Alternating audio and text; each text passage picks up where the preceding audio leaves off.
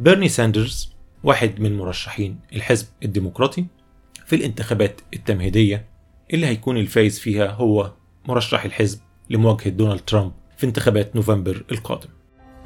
بيرني ساندرز سياسي أمريكي مستقل عضو مجلس الشيوخ سيناتور يعني في الكونجرس الأمريكي اشتراكي ليه نشاط طويل بيدعو فيه لأجندة يسارية بيطالب فيها برعاية صحية للجميع ومقاربة الدخول ما بين أفراد الشعب الأمريكي.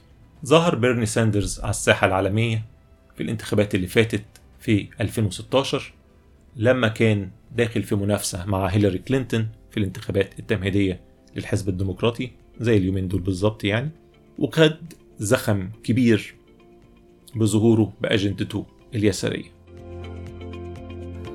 واللي كان لافت ساعتها في ظهور بيرني ساندرز في 2016 إن كانت أجندته الاقتصادية أجندة غير تقليدية بالنسبة للأحزاب في الولايات المتحدة الأمريكية.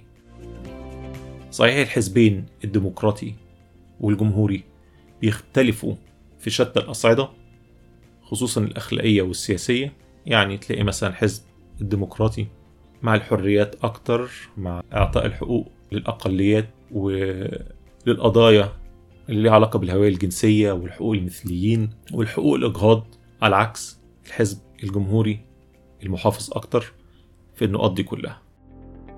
لكن على الناحية الاقتصادية الحزبين في بينهم طبعا خلافات لكنها من ساعة رئاسة رونالد ريجن في الثمانينات والاتنين بقوا قريبين جانحين الاتنين ناحية اليمين. يعني جمهوريين أكتر مع تخفيض الضرائب الديمقراطيين مع رفع الضرائب شوية. إنما غير كده الاتنين سياسة رأسمالية بحتة. على عكس اللي بيروج له بيرني ساندرز من ساعة لما ظهر في 2016 لأجندته الاشتراكية وبيدي أمثلة كتير بدول زي الدول الإسكندنافية خصوصا دولة زي الدنمارك. طبعا المثير للجدل إن الدول الإسكندنافية هي دول رأسمالية بالأساس لكنهم دول رفاه. ودي برضو من النقاط اللي مش واضحة كتير للناخبين الأمريكيين إن هم متخيلين إن بيرني ساندرز لما يقول إن هو اشتراكي معنى كده إن هو بيدعي مثلا لنظام شيوعي زي ما كان في الاتحاد السوفيتي أو في كوبا خصوصا إن هو أحيانا بيتم استدراجه ففي واحدة من المرات أطرى على نظام الرعاية الصحية في كوبا. بيرني ساندرز لما ظهر في 2016 بأجندته الإنسانية اليسارية جذب كتير قوي من الشباب اللي متأثرين طبعا بحقوق الأقليات فقط وجذب كتير من الأقليات المسلمين وال Latinos اللي هم من أصول مكسيكية أو من أمريكا الجنوبية. وكان واخد كتير من الأصوات ضد هيلاري كلينتون. لكن في النهاية هيلاري كلينتون عشان المؤسسة الرسمية والأساسية والساسة الكبار في الحزب الديمقراطي كانوا معاها هي في الآخر اللي فازت. وبيرني ساندرز اللي اتبقى منه هو تأثيره الثقافي والحضاري على الحزب الديمقراطي من ساعتها. لما بدأت تاني المرحلة التمهيدية لانتخابات 2020 كانت المفاجأة إن كتير من المرشحين بدأوا يعتنقوا بعض من أفكار بيرني ساندرز وكانت أشهرهم طبعا إليزابيث وارن دي أستاذة في كلية الحقوق وكانت واخدة بعض أجزاء من سياسة أو توجه بيرني ساندرز اللي أهمها طبعا وأشهرها هي رعاية صحية لكل الأمريكان وتتكفل بها الحكومة ومحاربة للكيانات الاقتصادية الضخمة في الولايات المتحدة خصوصا الشركات ال multi الكبيرة. اللي تأثيرهم يقترب من الاحتكار. الكيانات الضخمة زي جوجل ومايكروسوفت أمازون وفيسبوك وكانت بتدعو لتقسيمها. يعني نقطة زي دي كان بيتفاداها واحد زي بيرني ساندرز بس تطبيق سياسات زي سياساته تستتبع رفع الضرائب بقوة وفي خوف إن هي لو اتطبقت بالطريقة اللي هو بيتخيلها إن هي عشان يقدروا يجيبوا موارد تكفي رعاية صحية لكل الأمريكان لازم طبعا نحط في الاعتبار إن أمريكا تعتبر قارة لوحدها عدد سكانها يقترب من 350 مليون. عشان يتم توفير مبالغ تكفي عدد السكان الضخم ده كله ده هيأثر بالتبعية على الاقتصاد الأمريكي وبالتالي هيؤدي لزيادة الضرائب وزيادة الضرائب معناها إن رأس المال حركته هتتأثر أكتر وتوسعاته هتقل. على عكس مثلا زي ما بيحصل دلوقتي في أمريكا في عهد دونالد ترامب اللي قلل الضرائب بقوة سواء الضرائب على الشركات أو الضرائب الشخصية وده زود الحركة الاقتصادية بقوة والأسهم كانت عليت جامد جدا وحصل توسعات كبيرة للشركات وفي ناس رجعوا فلوسهم بعد ما كان ناس كتير هربوا بفلوسهم أيام باراك أوباما عشان الضرايب العالية بتاعته بل أيام باراك أوباما في كتير تخلوا عن الجنسية الأمريكية عشان ما يطبقش عليهم الضرائب الأمريكية العالية. لدرجة من كتر الناس ما كانت بتتخلى عن الجنسية الأمريكية زودوا المصاريف بقوة كنوع من الردع عشان الناس ما تتخلاش عن الجنسية الأمريكية ويتهربوا من الضرائب الكلام ده كله اتعكس لما جه دونالد ترامب بل في شركات ضخمة كانت هربانة بفلوسها بره أشهرها أبل. لما دونالد ترامب قلل الضرايب وعمل فترة سماح الفلوس دي كلها رجعت الولايات المتحدة الأمريكية تاني. وده كنا شايفينه طوال السنتين اللي فاتوا في ازدهار البورصات. وكان طبعا كل إنجازات دونالد ترامب تم تآكلها في آخر الشهر اللي إحنا فيه. من منتصف فبراير لما البورصة الأمريكية وصلت لأعلى مستوياتها في التاريخ وهي دلوقتي عمالة بتنزل نزول ورا التاني. نرجع تاني لبرني ساندرز والانتخابات دي انتخابات نوفمبر 2020 بدأت الانتخابات التمهيدية للحزب الديمقراطي مع بداية السنة دي لكن المناظرات والتحضيرات بدأت من نص السنة اللي فاتت من صيف 2019 كانت ساحة الحزب الديمقراطي مليانة بمرشحين كتير عدوا ال 20 مرشح في وقت من الأوقات. لكن مع تطبيق القواعد الصارمة بخصوص التمويل والدعم ما بين قواعد الحزب الديمقراطي العدد ده قعد يتناقص لغاية لما وصل في حدود العشرة مع بداية الكوكسز اللي هي التجمعات الانتخابية لكل الولايات اللي زي ما قلنا كانت مع بداية السنة دي. كان جو بايدن قبل ما تبدأ المناظرات هو أكتر واحد في استطلاعات الرأي. حظوظه عالية وده طبعا لارتباطه بباراك أوباما اللي شعبيته كانت عالية قوي. مع الناخبين من الحزب الديمقراطي لكن المثير للدهشة إن مع بداية المناظرات بين المرشحين واللي كانوا في المرحلة الأولانية بيتجاوزوا ال 20 مرشح كان جو بايدن مخيب للأمال بقوة. غير طبعا إنه عشان هو سياسي قديم وليه مسيرة طويلة تبدأ من السبعينات فكان ليه مواقف تقدر تتحسب عليه وكتير من المرشحين قصاده واللي كانوا أصغر كتير منه في السن. قدروا ياخدوا عليه مواقف كتير كان خدها كانت محافظة أو اخلاقيا بتتخالف مع أخلاق اللي بيتمناه الحزب دلوقتي واللي خيب الأمال بقوة هو إن جو بايدن ظهر ضعيف بطريقة مذهلة. اولا كان شكله عجز جدا وكانت ردود أفعاله بطيئة تركيزه كان ضعيف وده شيء بقى ملاحظ على جو بايدن من ساعة وفاة ابنه في سنة 2015 أو 16 على ما أتذكر. حالته الصحية والنفسية كانت متأثرة جدا. وحتى لو الناس تفتكر كانوا ساعتها كان في ناس كتير بتطالبوا ان هو ينزل الساحة عشان يبقى ضد دونالد ترامب عشان هيلاري كلينتون ما كانتش محبوبة كتير وسط قواعد الحزب الديمقراطي. لكن عشان حالته النفسية ساعتها وحالة عيلته فهو رفض إن هو ينزل الانتخابات دي. لكن كانت المفاجأة إن حتى لما وصلنا ل 2020 الراجل لسه ما استعادش لياقته الذهنية. كتير بيزنقوا المنافسين في المناظرات وهو ما بيعرفش يرد واحيانا بتطلع منه ردود أفعال أو جمل غير مفهومة أو مثيرة للضحك.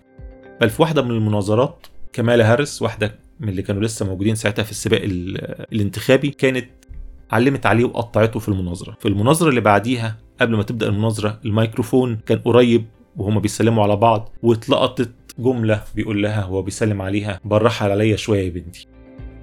كل دي كانت دلائل إن جو بايدن مش في أحسن أحواله وده أدى لخيبة أمل كبيرة لكتير من الناخبين اللي كانوا ناويين يختاروه إنه يبقى ضد دونالد ترامب. اولا زي ما قلنا عشان الإرث النفسي والوجداني عشان ارتباطه بباراك أوباما وثانيا عشان هو يعتبر من معتدلين الحزب أجندته الانتخابية ما فيهاش أفكار كتير ممكن تنفر المستقلين أو الناخبين الأمريكيين من الحزب الجمهوري اللي ممكن يكونوا قرفانين من دونالد ترامب ومستعدين يختاروا أي حد ضده بشرط إن تكون أفكاره مش غريبة بالنسبة للسياسة الأمريكية المعتادة. بيرني ساندرز بقى من البداية يعني من بداية الفعاليات في نص السنة اللي فاتت وهو دايما بيحافظ على المركز الثاني بعد جو بايدن. لكن بعد ما جو بايدن بدأ يتدهور بدأ بيرني ساندرز يصعد في الاستطلاعات الرأي ومع بداية التجمعات الانتخابية اللي هي ال caucuses اللي بدأت في الولايات من أول السنة دي تصدر بسرعة الصف الأول من كل المرشحين وفاز في أول ولايتين واتعملت استطلاعات رأي سريعة توقع منها إن بيرني ساندرز هيكون هو مرشح الحزب الديمقراطي بنسبة كبيرة جدا وهو اللي هيدخل قصاد دونالد ترامب في نوفمبر الجاي. وبين راحة حصلت المفاجأة اللي قلبت كل التوقعات وقلبت المشهد الانت... الانتخابي برمته اللي حصل إن ساوث كارولاينا أو كارولاينا الجنوبية كانت هي المحطة الثالثة بعد أول ولايتين. والولاية دي 60% من الناخبين التابعين للحزب الديمقراطي من الأمريكين السود أو ال African Americans الأمريكان من أصول أفريقية. والناس دول طبعا بتربطهم علاقة وجدانية كبيرة جدا بباراك أوباما. ونتيجة ارتباط جو بايدن بباراك أوباما نزلوا وصوتوا بقوة لجو بايدن. وفجأة جو بايدن لقيناه متصدر الولاية واخد 50% تقريبا من الأصوات. الكلام ده كان يوم سبت والمحطة دي كانت آخر محطة صغيرة قبل الثلاثاء الكبير أو ال Super Tuesday. وده يوم بيضم تجمعات انتخابية ل 14 ولاية. إيه اللي حصل بقى من يوم السبت ليوم التلات؟ اولا ما كانش فيه أي مناظرة. فجو بايدن ما طلعش قدام الجمهور محدش شافه في التلفزيون ما عادش فيه أي صورة سلبية ممكن يوصلها للناس عن نفسه. بغياب تركيزه أو ردوده غير الذكية. وفي نفس الوقت كل الناس اللي كانوا متحمسين له قبل المشهد الانتخابي فجأة رجع لهم الحماس بقوة لجو بايدن. ودخل جو بايدن الثلاثاء العظيم أو ال Super Tuesday واكتسح كل المرشحين بقوة غير مفهومة. نجاح جو بايدن كان قوي جدا لدرجة إن تقريبا كل المرشحين خرجوا وما تبقاش غير بيرني ساندرز وكانت المفاجأة إن هو في يوم الثلاثاء العظيم لوحده قدر يجمع أصوات في ولايات مفروض مضمونة لبيرني ساندرز عشان تفوقوا بيها وحصلوا عليها في انتخابات 2016 وبعدين جت المفاجأة اللي بعديها التجمعات اللي كانت في أربع ولايات من كام يوم وفيها برضو جو بايدن خد ولايات كانت مضمونة جدا لبيرني ساندرز عشان التكوين الانتخابي بتاعها أشهرها ميتشيجن اللي هي فيها عمال كتير وأهوائهم ليبرالية فبالمنطق الناس دي المفروض تصوت لبيرني ساندرز. لكن المفاجأة إن هم برضو صوتوا لجو بايدن. بالنسبة لبيرني ساندرز بعد ما كان هو المتصدر سباق الترشيحات فجأة لقى نفسه عمال بتتقلص فرصه في السباق الانتخابي. لكن برغم كل شيء بيرني ساندرز ما أعلنش انسحابه وما أعلنش هزيمته بل مصر إن هو يكمل في الانتخابات التمهيدية للحزب الديمقراطي. من غير ما يضحك على نفسه من غير ما يضحك على ناخبينه يعني أولا هو اعترف إن هو بدأ يخسر الأرضية بين الناخبين في الحزب الديمقراطي. لكنه في نفس الوقت قرر إن هو يشارك في المناظرة اللي هتتم يوم الحد الجاي بينه وبين جو بايدن. والمناظرة دي طبعا هتكون مهمة جدا ومحورية مش بس بيرني ساندرز وجو بايدن. جو بايدن كل الأصوات اللي خدها الفترة اللي فاتت خدها من غير ما يظهر مرة واحدة في وسائل الإعلام الأمريكية. يا دوبك بيظهر في التجمعات الانتخابية بتاعته بيطلع يشكر الناس اللي انتخبوه في الولايات المختلفة. مفيش حد وجه له سؤال يحرجه. مفيش منافس ليه زنقه في سؤال يوم الحد الجاي هتبقى مناظرة ما بينه وما بين بيرني ساندرز. اللطيف إن بيرني ساندرز وده شيء طبعا يحترم فيه إن هو ما بيهاجمش جو بايدن ولا المنافسين ليه بطريقة شخصية. بيهاجم أفكارهم. لكن اللي بيقوم بالهجوم هم أنصاره من كل الطوائف. طبعا أشهرهم ألكسندريا أوكاسيو كورتيز اللي هي عضوة مجلس النواب الأمريكي واللي هي تلميذة ليه وتعتبر ابنة فكرية ليه بتقوم بالهجوم بالنيابة عنه. ده غير طبعا المنصات والمنابر اليسارية الليبرالية في الولايات المتحدة الأمريكية. ساندرز ما هاجمش جو بايدن لكن طلع وألقى خطبة كده لطيفة قال فيها إن هو هيقابل جو بايدن في المناظرة اللي هتتم بينهم وهيطرح عليه عدد من الأسئلة وقام بطرح أهم الأسئلة دي. ودي حركة مزدوجة ذكية أولا هو بيفرق نفسه عن جو بايدن وبيعرف القاعدة اللي هتدخل الانتخابات التمهيدية وبيعرف أمريكا ككل أنا مختلف عن جو بايدن في إيه؟ جو بايدن أنتوا بتقولوا عليه إن هو معتدل لكن هو في الحقيقة مجرد تكملة للمسيرة اللي أمريكا بتكمل عليها. في حين إن بيرني ساندرز بيمثل التغيير اللي من وجهة نظره ومن وجهة نظر أنصاره التغيير للأفضل للعدالة للحقوق للجميع. دي طبعا رسالته. فطبعا إيه أهم الأسئلة اللي هو ناوي يطرحها؟ أهمها هي الرعاية الصحية في الولايات المتحدة الأمريكية وهو ناوي لو كسب يعمل إيه بخصوصها. طبعا كان باراك أوباما كان عمل نظام بيمنح الرعاية الصحية للشريحة الأفقر في الولايات المتحدة الأمريكية. بفلوس قليلة بيدفعوا فلوس برضه لكن مبالغ طبعا زهيدة بالنسبة للتأمين الصحي اللي غالي جدا في الولايات المتحدة الأمريكية. فساندرز هيسأل بايدن هتعمل إيه بخصوص الرعاية الصحية؟ والسؤال التاني المهم جدا هتعمل إيه بخصوص انعدام العدالة في المرتبات والدخول لمختلف أطياف المجتمع الأمريكي؟ فبتوجيه الخطاب ده بيرني ساندرز بيعمل خطوتين اولا زي ما قلنا بيفرق نفسه عن جو بايدن والخطوة الثانية إن هو بيفرض أجندته وال legacy بتاعته على جو بايدن اللي هو أنا ممكن صحيح أنت بتاخد أصوات وأنا هخرج من السباق عاجلا أو اجلا بس على الأقل القضايا اللي أنا بمثلها واللي قطاع كبير من الديمقراطيين في الولايات المتحدة الأمريكية عاوزينها لازم تهتم بيها لازم تنفذ ولو جزء معتبر منها. وده هيعتبر نجاح أخلاقي وأيديولوجي كبير لبيرني ساندرز والكل اللي بيمثله. واللي بيرجح وجهة النظر دي إن بيرني ساندرز في الخطاب ده كان لطيف جدا تجاه جو بايدن خاطبه على إنه صديقه وإن علاقتهم كويسة جدا. فممكن تكون علامة إشارة من بعيد من بيرني ساندرز لجو بايدن إن أنا مستعد إن أنا أخلي لك الساحة وأمشي بس بشرط إن أنت تديني وعد إن أنت تهتم بالأمور دي وتعرفنا لو انت كسبت الانتخابات إيه اللي انت ناوي تعمله؟ لو انت قدمت حلول أو اقتراحات تحقق جزء من اللي إحنا عاوزينه أو هتحققه بطريقة معقولة أنا ممكن اخرج من الانتخابات. لكن دي كلها طبعا مجرد تكهنات. إلا إن الأكيد إن تراث بيرني ساندرز وتأثيره على الساحة الأيديولوجية والفكرية والأخلاقية للولايات المتحدة بقى خلاص ملموس وهيأثر على الجيل الجديد من الناخبين والساسة في الولايات المتحدة الأمريكية.